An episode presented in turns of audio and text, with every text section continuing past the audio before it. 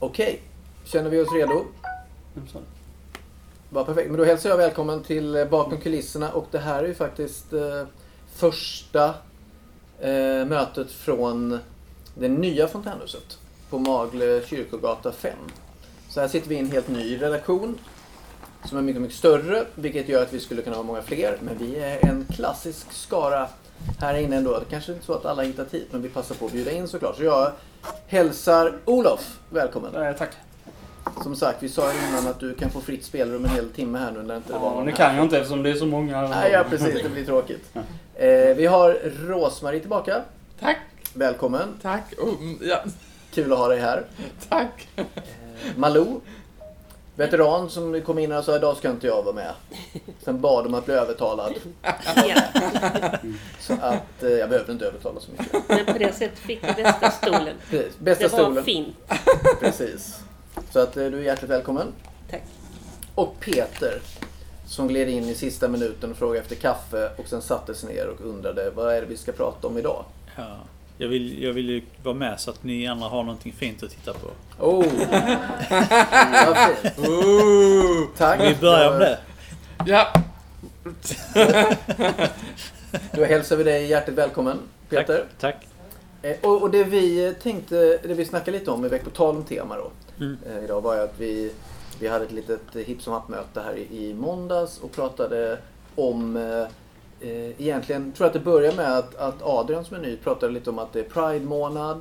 Så började vi prata om HBTQ.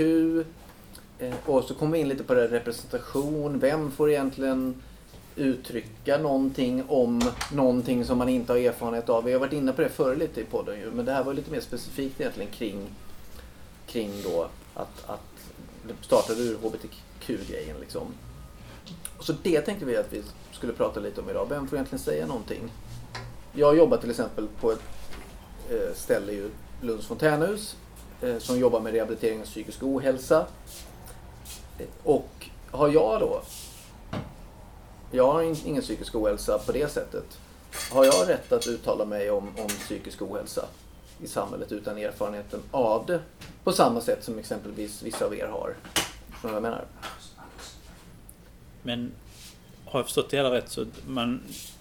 Alltså vem som får säga någonting om vad som helst. Ja, och I utifrån, stort sett. egentligen. Men egentligen utifrån representationsidén och tanken det Ja. börjar lite kring sexualitet egentligen då. Ah, ja. Eh, Och mitt, mitt, eh, min eh, uppfinning, skev representation. precis. Skev representation. Och det kan du få komma tillbaks till tänker jag lite Ja. med det. Och Malou, vad tänkte du? Eh, tänkte jag.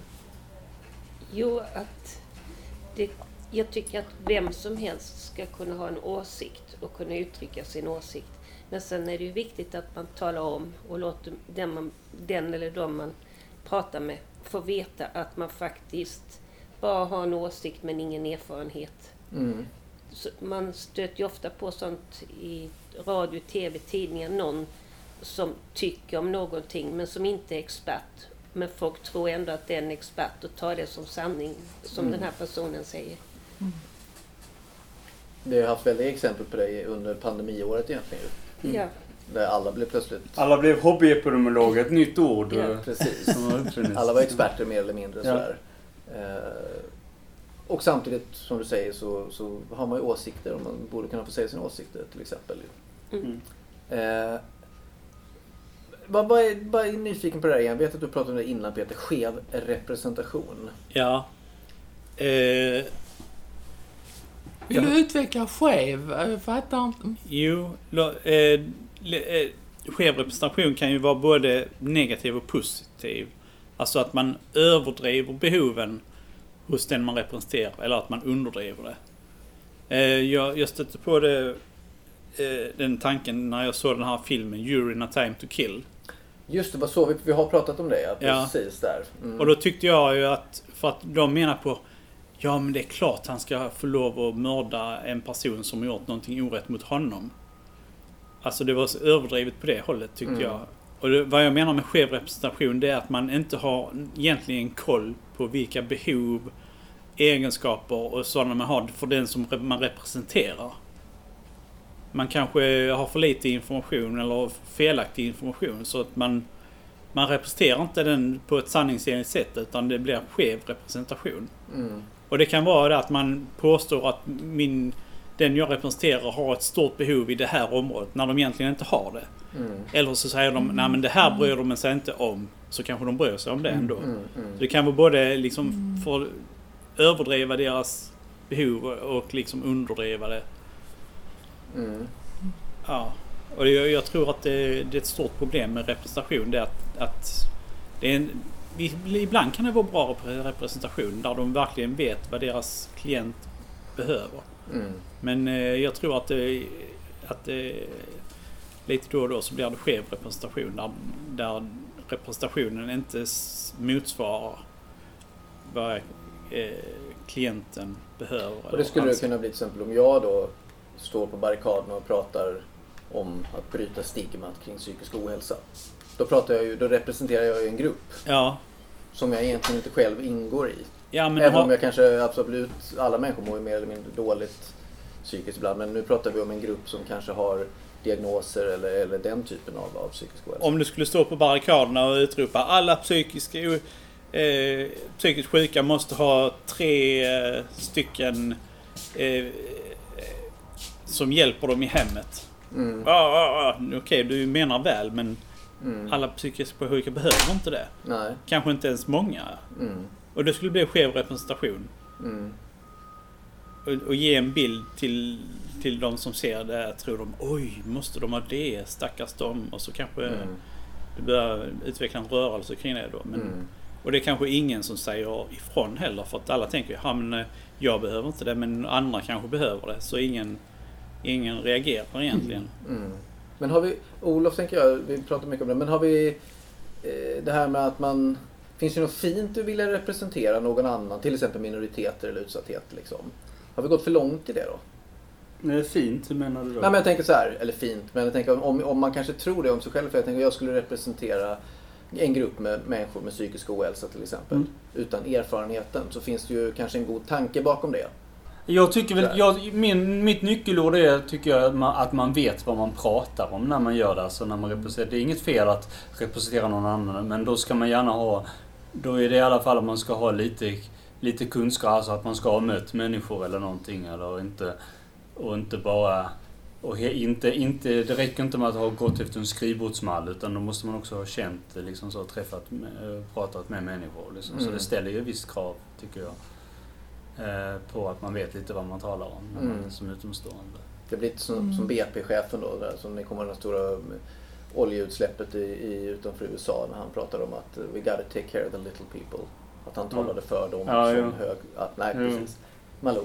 Sen är det ju skillnad också om man har blivit utsedd till någon sorts representant. Om vi här typ säger att ja men det där kan du, du förklara bättre än oss Per. Mm. Du, du får vårt, du får mitt, eller jag ger dig mitt förtroende, du får representera oss. Du Mm. vet vad vi tänker. Det är en sak. Mm. Mot, det är en annan sak om du själv har tagit på dig att representera eller leka representant. För det är ju ingen riktig representant då. Mm. Utan det är ju du som pratar utifrån vad du tycker. Mm. Eller, Jo, jo, nej men det är absolut, det är väl såklart, det är väl jättetydligt. Men jag tänker att som du sa, så, eh, som du börjar med, så får, tänker jag att du får tycka vad du vill.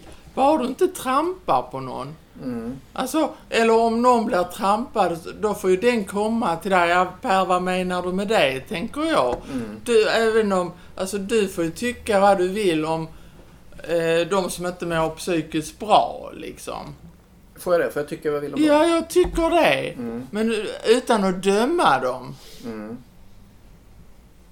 Och inte säga det liksom här på fontänhuset och så liksom. Mm. Men ändå ta hänsyn. Mm. Så tänker jag. Det har du ju helt rätt i. Jag, jag tänker att för att komplicera det så kan man tänka att det ibland är, är kanske en tung gräns i det där att Ja men så blir du kränkt över att jag tycker någonting men det blir inte Malou. Alltså, så att det blir också en, alltså hänsyn är ju jätteviktigt men den kan också se väldigt olika ut för olika för olika individer. Ja, Så i en grupp kan det ju vara väldigt svårt kanske om man har en representant som talar för. eh, men jag, någon. te- men jag tänker så här om... Eh, om Malou liksom, som du sa nu och sen jag. Men jag tänker, då får jag ju... Då tänker jag att då kommer jag till dig och säger, "Ja, men Per, jag blev ledsen för att du sa det och man, vad menar du? Så har vi en diskussion. Det, jag tycker jag får ta det ansvaret om mig själv. Men sen finns det ju andra som inte är som jag och kanske blir tyst och går hem och blir ledsen. Det vet man inte heller liksom. Nej, nej, så kan det så vara. kan det också vara. Och det bygger ju mycket på att man då har en trygg känsla i gruppen där det känns som Ja. att du kan komma i det Ja. här fallet, mig då ju. Ja. För det är inte så alldeles säkert att det är Nej, exakt. Och det blir ju svårare då ju. Precis. Vad skulle du säga Peter? Du väntar lite där ju. Ja, eh, jag, jag läste någon artikel som skrev så här. Och barnen behöver ha rätt till båda sina föräldrar. Och så eh, låg de en lång artikel om det. Men de, de frågade aldrig barnen vad de tyckte. Mm. Och jag tänkte det är väl alltså... Okej, de representerar barnen. Men det är ju viktigt att, att inte representera i onödan också. Va- Varför Håller måste det vara representation hela tiden? Varför inte fråga barnen? Vill du vara hos din mamma? Vill du vara hos din pappa? Vill du vara hos båda? Och så kan någon få, få sin vilja igenom. Ja. Men den blir också, kan ju också vara lite svår. Tänker jag. För då hamnar man ju nästa svåra. För att eh, då det kommer ju allting i en fråga kring sådana här saker. Då kommer ju komplexa känslor in. Det kanske inte är så lätt för ett barn i sånt fall att svara på. För då kommer skuld, eh, lojalitet, om vi tar det som exempel. Och det tänker jag man kan lägga som ett raster på ganska mycket. att affekter och känslor, lojalitet, skuld. På kommer in- barnet? Ja, men det kommer in i alla de allra flesta relationer tror jag. Så att jag kan hålla med dig i sak. Men är den inte också ganska svår att lägga det ansvaret på ett, i det här fallet ett barn? Det är inte ett ansvar. Du frågar barnet vad, vad barnet har att säga i saken.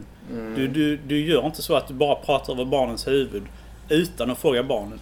För ibland kan det vara så att barnen har en verklig anledning att tycka och vilja bara träffa den ena föräldern kanske.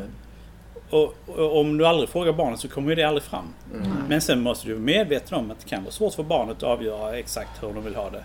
Och de kanske vill ha det på ena sättet ena dagen och nästa dag så har de ändrat sig och blir- börjar vill ha på annat sätt. Mm. Men det, det hindrar inte dem att man kan få låta dem få säga någonting i alla fall.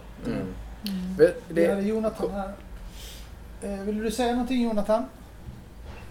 Ja, jag tycker det här med att representation, det är ju jätteviktigt att eh, eh man gör det på ett eh, rätt sätt så att det inte liksom blir... Eh, jag, jag representerar liksom min, eh, min organisation som jag eh, är medlem så jag har ju fått ett mandat från eh, personen där. Men det, det kan ju också bli så konflikt ibland om någon känner sig väldigt otrygg. Men då har vi innan vi har skapat en eh, trygghetsgrupp i vår organisation. Där, där kan man liksom så här, eh, vända sig om man, man känner att man kanske man har blivit dåligt behandlad eller man känner att någonting inte känns bra på en aktivitet. Då kan man vända sig till eh, de här personerna och de, eh, de har tystnadsplikt. Så där kan, de kan lista ut allt. Det, det är jättebra om man känner sig ja, men jag är kanske ledsen eller jag känner att något är oroligt. Då kan man liksom gå till någon person och prata om detta. Jag tycker det, det är väldigt viktigt att man har någon där att prata om. definitivt. Tryggheten är ju otroligt viktig. Såklart. Tack. Vad skulle du säga Olof? Eh, nej, men jag skulle säga när det, när det gäller just det så är det ett exempel på eh, en sån här Facebook eh, eller grupp, eller jag, kanske, eller jag kanske ska prata mer allmänt om det. Det här att det är många som menar, många så här eh, kvinnorättsorganisationer eh, vad, vad de, de delar att jag, de, tycker att män ska inte ha, ska inte få ha några synpunkter på någonting när det gäller kvinnors kroppar och då är det liksom hur, då är det en massa allmänna saker som mens och olika saker men framförallt abort. Då reagerade jag när jag tyckte när jag såg den delningen liksom så var eh, på en sida som jag själv är med i, Women's Right News, när de, det, som jag likade för flera år sedan. Eh, då följde. Och, och, då, och då reagerade jag och skrev och tyckte att det var ganska absurt. Dels hela den här frågan att man inte får ha åsikter om...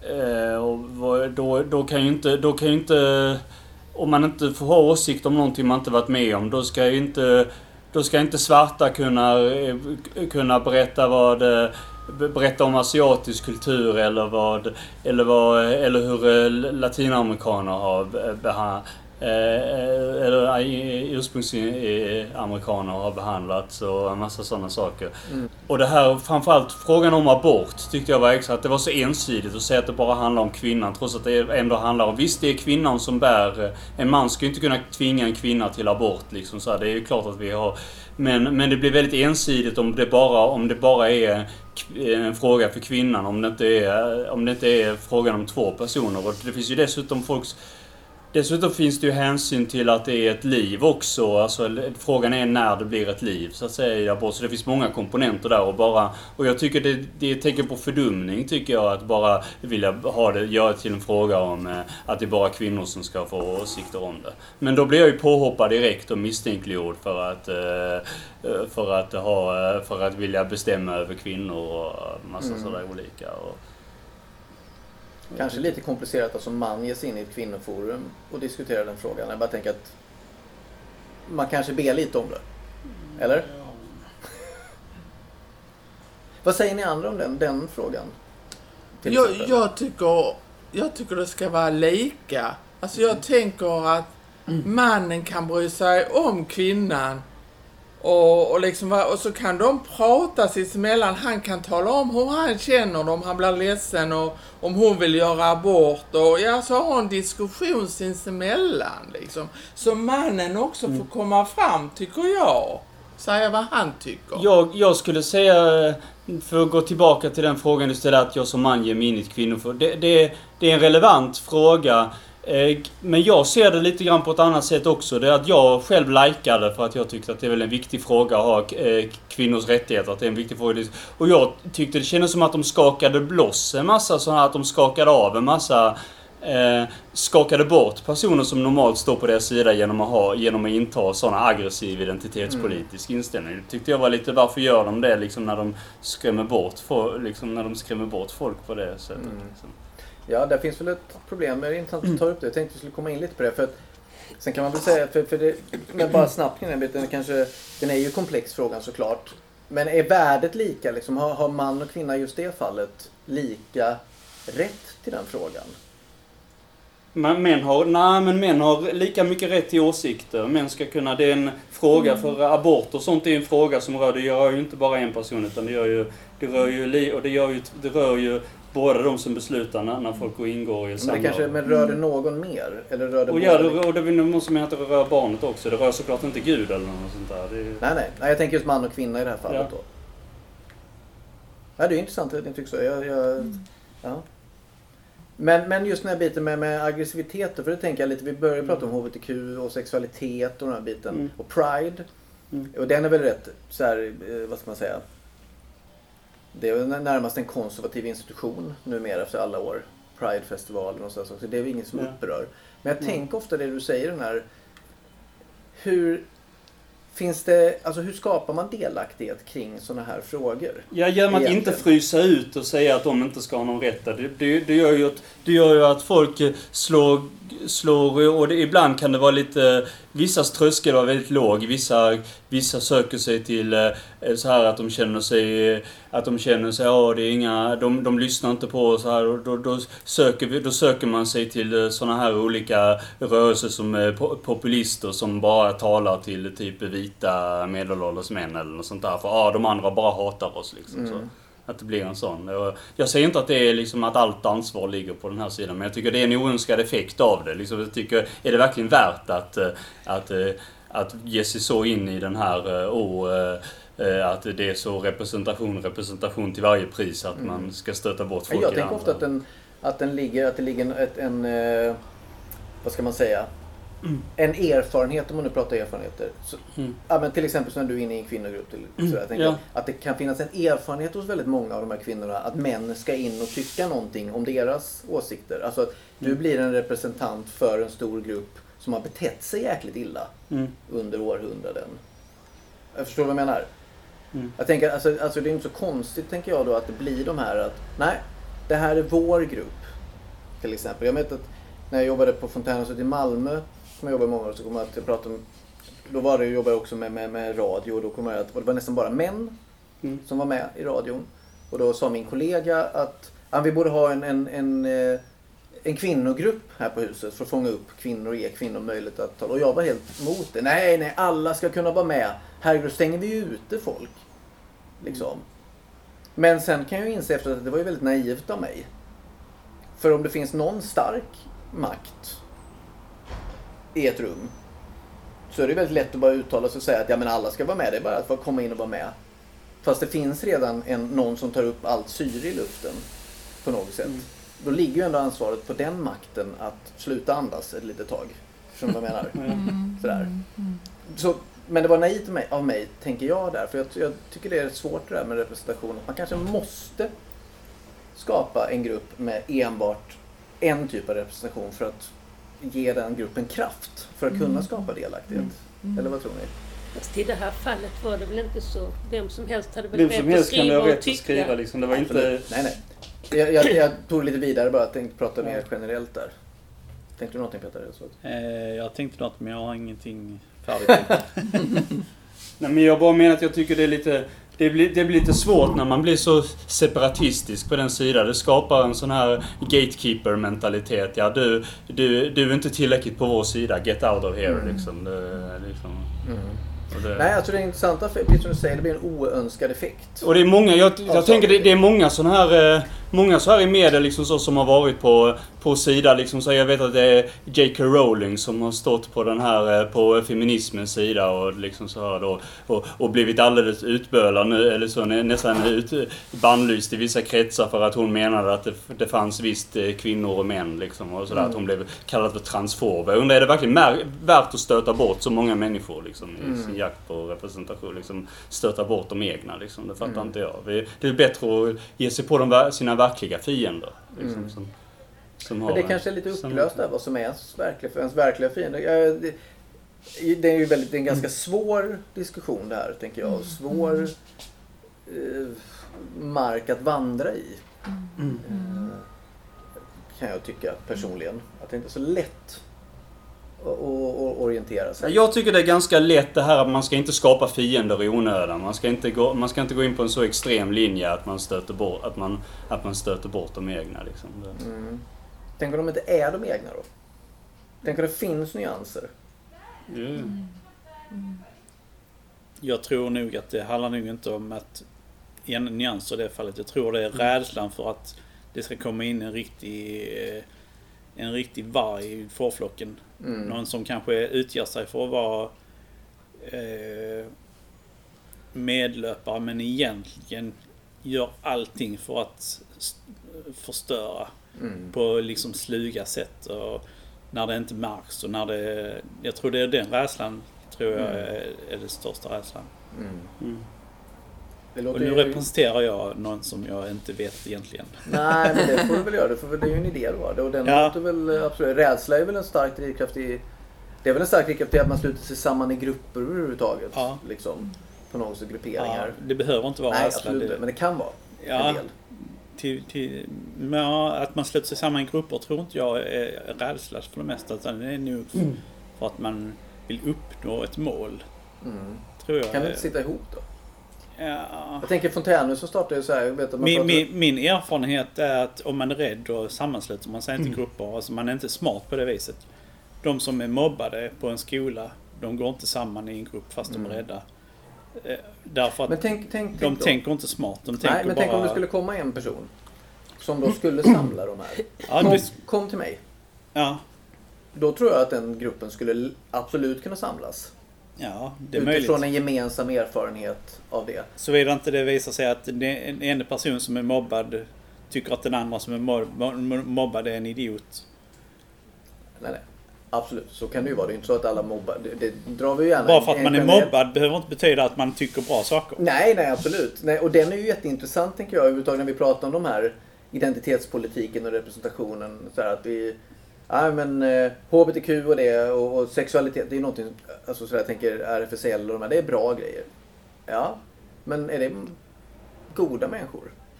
Per automatik. Likväl fontänhusen. Vi, här samlar vi massa människor med, med psykisk ohälsa. Är vi en god, då är vi en god organisation. behöver inte vara det. Nej, men jag tror att man kanske fylls av den tanken väldigt Ja, det lätt. kan vara så. Det kan vara så. Men det, det tror jag nog eh, kan lätt vara en villfarelse. För att det är vanliga människor det också. Mm. Av alla dess slag. Alltså, bara för att man är psykiskt sjuk betyder inte att man är god eller ond. Det kan vara mellanting. Mm. Eller god eller ond. Eller god eller ond. Jo, jo, precis. Ja. Mm. Ur vilkens perspektiv får man ju Mm. fråga också då. Vem, vem tycker att... Men om jag eh, tar död på 500 miljoner människor. Så är det kanske någon som tycker det är bra för vi behöver minska befolkningen på jorden. Ganska, ganska långt drivet. Mm. Mm. Okej, jag, jag, jag har lätt för att dra, dra, ta till överdrifter när jag, när jag, när jag gör analogier. Men den var ju onekligen tydlig. Den var tydlig. Ja. Mm. Men ja, det kanske inte är det bästa att alltid dra, dra till överdrifter. Men Mm. det, det är något jag brukar göra ibland. Ja, men jag tänker att det är ju intressant det där. Just representation. Och Man representerar ju då ofta olika grupper och grupperingar. Mm. Liksom. Det kan vara att man representerar sin egen grupp också. Och då kan det ju vara att man utgår ifrån sig själv. Mina behov säger jag är det som gruppen behöver. Det är också en slags skev representation. Mm. Som utgår, du tror kanske själv att nej, men jag är också psykiskt sjuk så då vet jag vad alla andra psykiskt sjuka behöver. Mm. Det behöver inte vara så. Nej. Nej. Nej, nej, definitivt. Och jag tänker att det kanske finns en komplexitet i det att vi ska, liksom, man sluter sig samman i grupperingar, någon, man representerar gruppen. Eh, Sen precis som du säger så är ju alla de här personerna i gruppen är människor, individer som kanske inte nödvändigtvis i sig har liksom goda eller onda. Men någon har goda avsikter, någon har onda, någon eh, är elak, någon är snäll. Eh, lite som med politiska partier. Liksom, så här. Men och hur ska man förhålla sig med det då? Ska man köpa ett paket då? Då ska jag representera hela den gruppen. Fast det kanske finns vissa då som vi pratar om här med i RFSL till exempel som tycker att ah, men vi ska legalisera pedofili. Mm. Sådär. Det drar, ju hela, det drar ju hela rörelsen i smutsen då när, det, när, när man kommer... Ja men precis, men då, men då ska det representera, nu, nu tar vi det som ett exempel då, så, så är det ju en jätteviktig organisation. Ja. Liksom, Mm. sådär. Men då representerar man en jätteviktig organisation. Sen har man då plötsligt grejer där som, som drivs. Ja. Förr så drevs ju vissa saker i den organisationen som var just det. Liksom. Mm. Sådär. Ja. finns ju en socialt tryck också. En social utrensningsmekanism. Där du i en organisation så utövar du sociala påtryckningar för att folk ska bete sig på ett visst sätt. Finns det ju. Mm. Både inom statliga institutioner och fast där kanske det mer handlar om regler och, och, och sånt, lagar och sånt som Medan i andra organisationer så kan det vara, som i politiska partier finns det ju ett, ett stort socialt tryck. Mm. Om du går upp och säger en sak, till exempel ja vi ska, vi ska tillåta pedofili. Och då kommer du bli hårt ansatt inom den sociala gruppen. Mm. Om man inte tillhör ungdomsförbunden, vissa som kan säga vad som helst. Mm. Mm. Där det ingår lite att det ska vara out. Mm. Mm. Nej, nej, Ja, sen, sen beror det också på det, det tillfälliga ah, personerna som är i det rummet just då.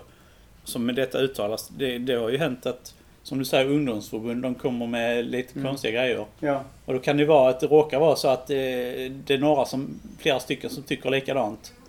Fast Mm. det, i stora hela så tycker inte ungdomsförbundet det. Utan det är bara den lilla klicken som är Ja. i styrelsen. Och då kan de ju driva igenom någonting som inte Mm. gräsrötterna gillar. Mm. Ja, kuppningar och sånt sker ju ibland att folk, eh, folk eh, sitter, sitter uppe. f- Folk kommer plötsligt in och när de, när de passar på att sitta uppe hela natten så kommer det vissa in och be- bestämmer eh, besluten för att andra inte orkar hålla, hålla, vara med längre och hålla på Det är längre. ju svårt med beslut. Jag tänker vi... eh, Ja, men vad skulle du säga Malou? Nej, jag bara tänkte att många organisationer de lobbar ju. Och en organisation det är ju en samling av människor. Många gånger handlar det kanske om ett par stycken och sedan så blir de fler och fler. Och det är ett Mm. sätt att förändra samhället. Mm. Mm. Det börjar ju ofta så, ja precis. Eh, Jag tänker också på att, att det är ju rätt klurigt med en demokratisk process. Det vi kallar en demokratisk process. Jag menar vi som organisation, Fontänhuset till exempel, vi, vi har ett klubbhusmöte som vi kallar för det beslutande organet. Liksom. Mm. Eh, och det har vi pratat om för, förut. Då. Är, är, är det så att, att besluten verkligen fattas där? Vi hade en diskussion här till exempel när vi startade upp den här enheten här i den nya Eh, och så, jaha, vem har beslutat att det ska vara datorer så? Vem har beslutat det? Jag tycker inte det. Nej, men du var ju inte med när vi fattade besluten. Nej, men det visste jag ju inte att jag skulle. Alltså, det är ganska komplicerat med, med det här med, med beslut. Och plötsligt står du Malou då och representerar redaktionen. Fast du kanske, nu tar jag dig som exempel bara. Att, nej, jag tycker att det blev kass, den nya redaktionen. Men jag är ju där. Så jag är ju Malou från redaktionen i resten av fontänhusets blick. Eller förstår vad jag menar? Att plötsligt så står man kanske för någonting som man bara... Det blev inte som jag tänkte att det skulle bli. Liksom. Men då tänker jag, då får man ju ta en diskussion. Jag tycker inte man ska utesluta någon. Mm. Ja, du var inte här som du sa. Nej, men, men du är här nu. Mm. Då får man börja diskutera, tänker jag. För annars Man- utesluter man till exempel dig, liksom. Åh, du var inte här, liksom. Mm. Alla beslut kan rivas upp. Ja, okej. Eller? Här du en fråga. Ja, jag tänker det. Alltså, så vi nu, men jag tänker det är väl det som är en, ett problem med en demokratisk process. Att nu kallar vi till ett möte. Här ska vi ha... Här ska vi fatta beslut. Mm. Och så har en, någon, och så har några... Ah, jag missade det. Mm. Okej. Så Ja. även om man då ska ta upp... Är det då, ska man då ta upp det igen till diskussion? Ja, det tycker jag. Okej? Ja, tycker jag. Mm. Det kan ju bli komplicerat. Det kanske är en person som tänker ah, jag vill inte vara på fontänhuset på tre månader. Mm. Sen kommer de hit. Nej men nu inte vill jag, ha, jag vill inte ha det så här när jag är här. Mm. Alltså då kan- är ju frågan. Har du inte varit där på tre månader och så ska du komma dit och, och säga att allting de har gjort är fel. Mm. Eh, lite engagemang liksom. Man får ju engagera sig också Mm. om man vill ha saker att säga till om tycker jag. Mm. Bara för att man är på fontänhuset en gång om året.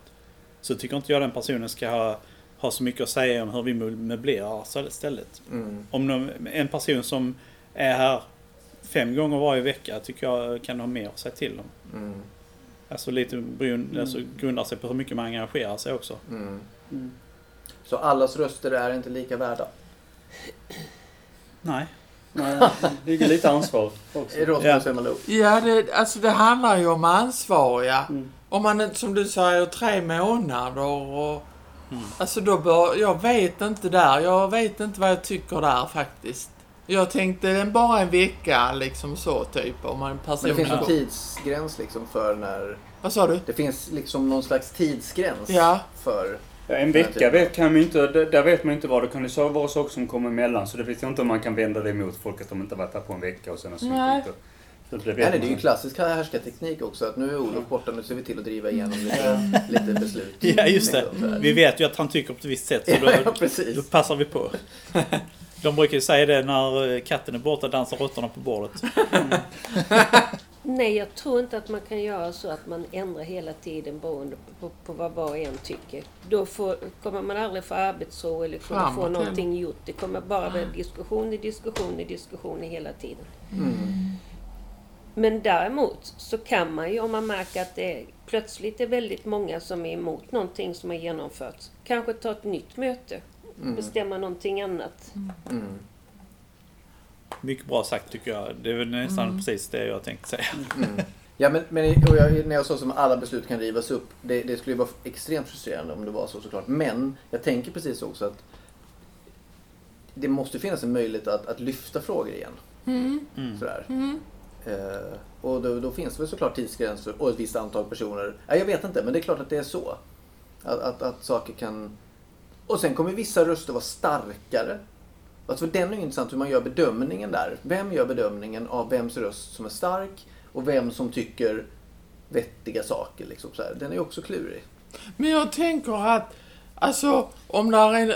Man kan, jag tycker inte man ska tänka att ja, den människan, oh, den är mer makt och så. Utan man får respektera allas röster. Sen får man ha tålamod med varandra också och acceptera den andra som den är. Liksom. Och liksom kanske om du har en makt så, så liksom då får man nog, jag pratar med dig att jag känner sig och så typ. Och Kan du dämpa dig lite eller typ så, tänker jag då. Mm. Alltså, till exempel om du inte tycker sig och så och du, jag upplever att du accepterar inte. Då kan jag ju säga det till dig. Ja, du accepterar inte Per. Alltså, vad, hur tänker du? Tycker du inte om Per? Alltså så, så tänker jag, typ. Eh, får man lov att prata om Matilda i den här podden? Matilda är alltså Lunds Fontänhus chef kan vi Ja. Men om det blir något fel sagt så får du redigera bort det sen. Kör hårt säger jag. Jag, bara, alltså jag, jag, jag skulle använda ett, eh, ett eh, lite... Jag skulle säga att jag blivit lite mer prostituerad på senaste tiden. Oh, intressant. Eh, som så att jag... Innan så, när, när Matilda hon sa saker så tyckte jag det var en föremål för en diskussion. Men på senare tid så har jag börjat tänka så att nej men Matilda hon är chef, hon måste få igenom sina åsikter. Hon måste, vi måste göra som hon säger till punkt och pricka. Eh, alltså, ut, alltså, jag var lite omedveten om det först. Att jag börjat att tänka på det sättet. Alltså, att jag ska... Om Matilda säger något då måste vi lyssna på det. Då måste vi göra precis som hon säger. Oavsett hur dumt det än låter så måste vi göra på det viset. Men nu, nu, nu tänker jag att jag borde försöka ändra mig och försöka och stå upp lite för mina egna åsikter. Men vad intressant. Vad är det som, tror du, vad är det som har hänt då som gör att... För det, började, det började väl med att jag tyckte att äh, Matilda var en jättebra chef. Mm. Och... Eh, och sen är det väl så att Matilda hon... Hon, hon, hon, tar, så många, hon tar så många roller. Eh, det, det, det, det är lite som att hon... Det är bra för att hon tar, steppar alltid in när det inte finns någon som vill göra någonting. Men det är från baksidan baksida också. Det är att hon, hon, hon suger till sig all luften. Alltså hon tar, hon tar både den rollen och den rollen och den rollen. Då är det liksom Matilda i... Klonade Matilda överallt liksom. Mm. Och hon, hon, är, hon, är både, hon är både den som, som eh, hjälper till att städa när, när vi flyttar. Hon är den som sjunger på scen. Hon, hon är den som eh, eh, tycker saker som en medlem. Hon är den som är chef, som säger hur man ska göra.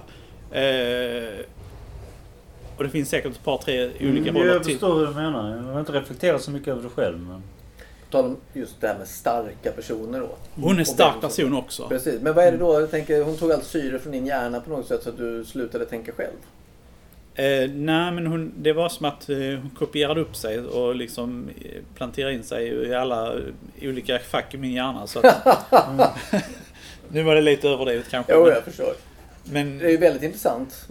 ja, Mm. Och alltså jag, jag är inte riktigt säker på att man kan säga till Matilda att ändra på sig för att hon, hon, hon, hon har en stor, stor anledning till att hon beter sig som hon gör.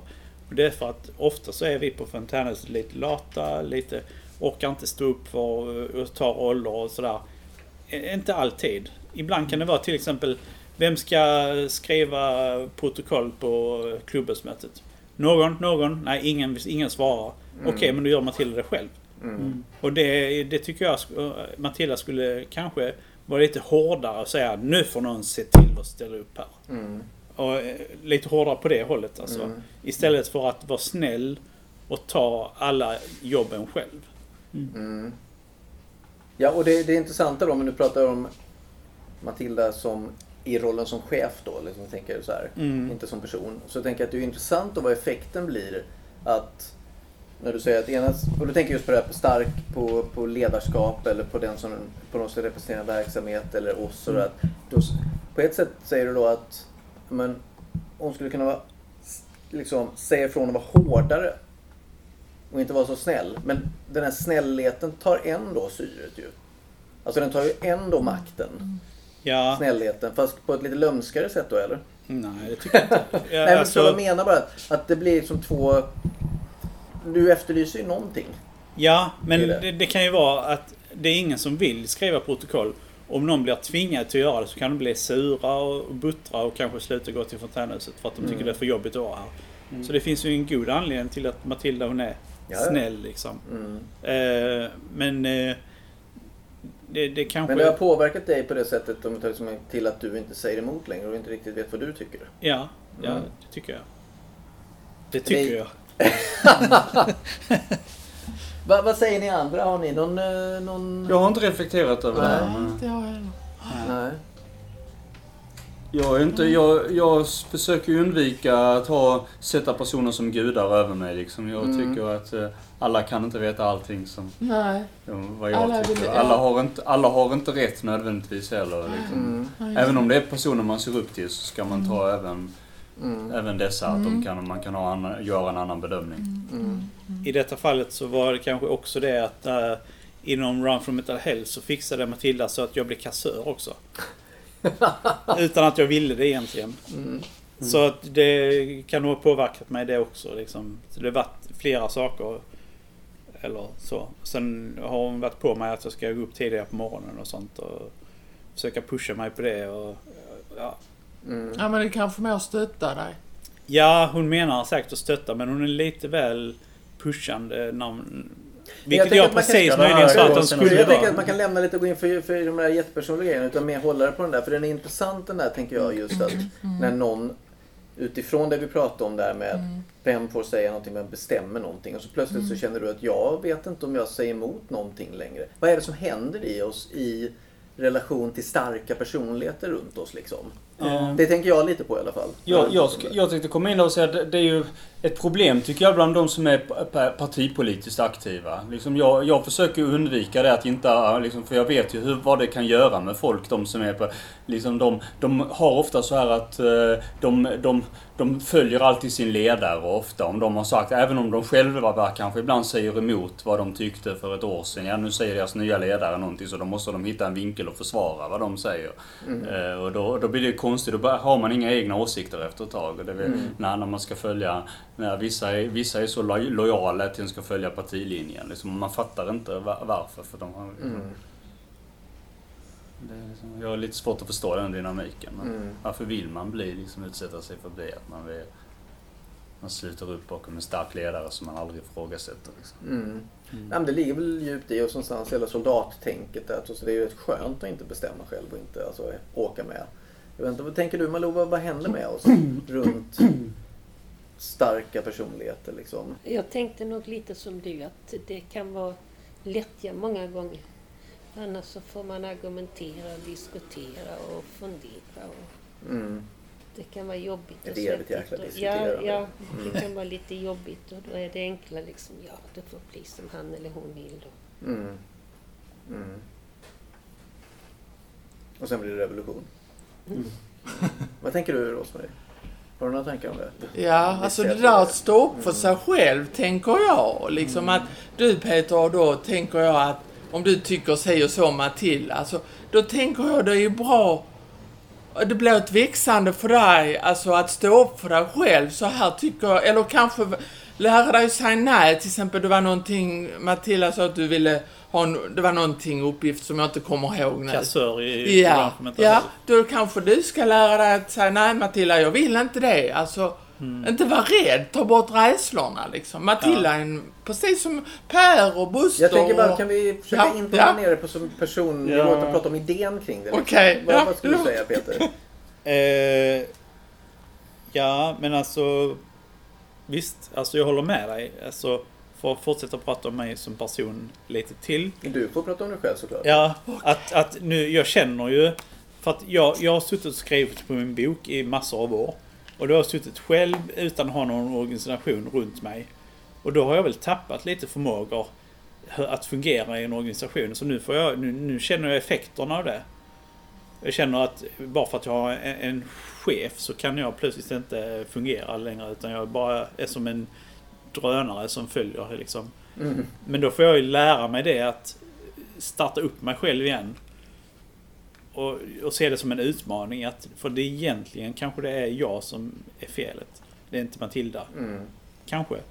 Den är väldigt intressant sådär med just med tillhörighet, att in, som vi började prata om, om i grupperingar, att skapa en, en, en, en trygghet eller ett stöd i en grupp innebär ju också kanske en förlust Mm. av någonting i en själv till att börja med. För man måste omforma sig också i det. Sådär.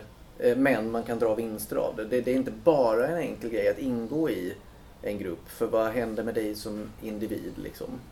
Och jag tänker på det här, i fontänhuset är det inte som på en arbetsplats.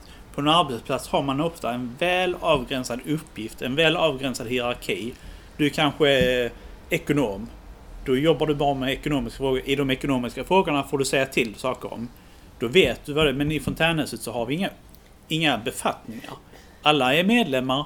Alla har alla rättigheter och sånt. Det blir liksom inte... Då vet... Alltså du, det finns inga förutsägda strukturer på hur jag ska bete mig och sådär. Mm. Utan det blir alldeles fritt och då får man ju själv... Det kan bli lite komplicerat också. Ja. Det blir lite komplicerat och det kan vara svårt att veta hur man ska bete sig i alla situationer. Mm. När, när alla ska få säga sitt och alla ska Mm. lyssnas på och så, där, så vidare. Ja, I en grupp så representerar man bara till slut sig själv lik förbaskat. Ja. Mm. Ja, det är ju jättespännande. Mm.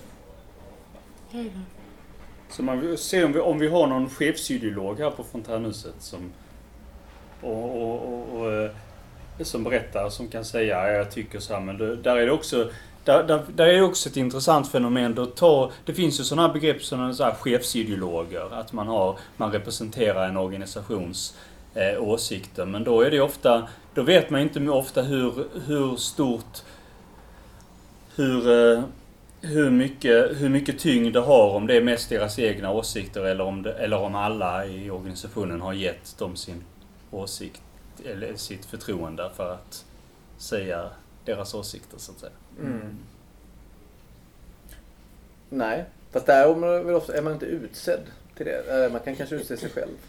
Ja, Jag utser mig härmed Ja. till din chefsideolog Olof. ja, just- ja. Mm. Denna timmen har gått jättesnabbt. Är, är vi klara med det? 14.55 är Ja, hon. det är vi. Eh, ja, jag tänker bara kill your masters. Som grundidé Ja. i allt. Vad innebär det? Ja, den kan vi lämna därhen till att... Nej, men jag tänker att det, för mig, att det är ett ganska bra... Eh, men det beror på vad man lägger i det såklart. Men, men att ett bra förhållningssätt till auktoriteter ändå. Alltså någonstans. Eh, Mm. Tänker jag att det är. Stick it to the man. Precis. Ja, men att det, man måste, jag tänker att man ändå måste ha det som någon slags del i ett förhållningssätt till auktoriteter. Mm. För att kunna båda så menar jag inte det bokstavligen. Men att det är ju en högst personlig åsikt såklart. Men att tänka att, att det är ett sätt att behålla sig själv i friktion och, och kontrast till andra människor. Någonstans att, att makten måste jag ändå förhålla mig till. Oavsett som du var inne på, så här, men vi behöver inte prata om makt och så här, men den finns ju överallt. I det här rummet finns den ju. Ja. Olika ord väger olika. Vem representerar vem? Vem kommer vara den som får sista ordet? Eller, alltså allt det här. Och det sker ju omedvetet för oss hela tiden. Eh, Men samtidigt, det är ju en balans. Alltså, om man, man kan ju inte vara så emot makten att man, att man till exempel mördar en chef. Eller, det finns, nu var det ett överdrivet exempel det också. Tydligt! tydligt. Alltså det finns ju en viss balans också. Mm. I att man inte tar för mycket plats bara för att man är emot makten. Nej, nej. Alltså man måste förhålla sig till makten. Det är Ja. klart att om du är på...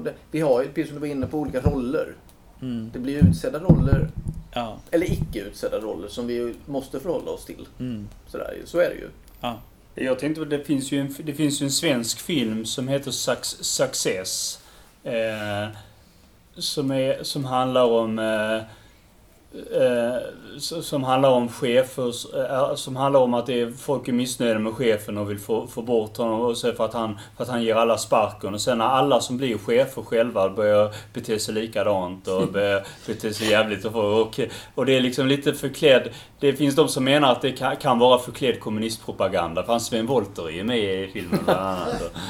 Men... eh, och att det kanske är lite förenklat så, men det, det, det är en bild på... Det, det är liksom en, en slags liksom tänkt att vara liksom lite satir över arbetslivet. Eller som handlar om just det där att man representerar man representerar de som vill göra uppror och så hamnar, vänder man dem ryggen så fort man själv blir chef. Och så. Mm.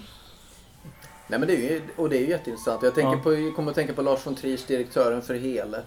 Om ni har sett den, just Mm. de där att när man ikläder någon rollen som en chef. Här är nya chef. Mm. Ja. Det är liksom, fast det visar sig det är inte det, det bara en skådis liksom. Men, men hur vi alla anpassar oss efter de roller vi liksom blir eh, visade. Så här. Den borde vi kolla på. Den är spännande. Fruktansvärt rolig. Mm. Men är det så att vi, ja, är, Var befinner vi oss? Är det någon som har någonting mer? Någonting vi... Ni känner att vi... Ja, de, de kan spotta på auk- auktoriteterna, de som... eh, De, de, representerar bara sig själva nu, studenterna. Så att, eh, De har all rätt att spotta nu, ja. Såklart. Det är det sista spottet. Sista spottet innan. Oh, det var cyniskt avslut på den här podden må jag säga. Gud. Mm. Vad säger ni? Är det någonting annat vi tänker på eller ska vi ta och runda av dagens bakom kulisserna? Vi rundar av. Mm. ja, ja. Tack. Vi representerar ju Fontänbubbel. Vi som sitter här då. Ja. Och, vi, och Fontänhuset och redaktionen allihopa. Eh, Och alla, tyck, alla tycker som jag och de som inte... Och, och de som säger emot, ja de får svara inför mig. Fina slutord. Ja. Vi tackar för idag och återkommer förhoppningsvis nästa torsdag. Hej då! Hej då! Hej.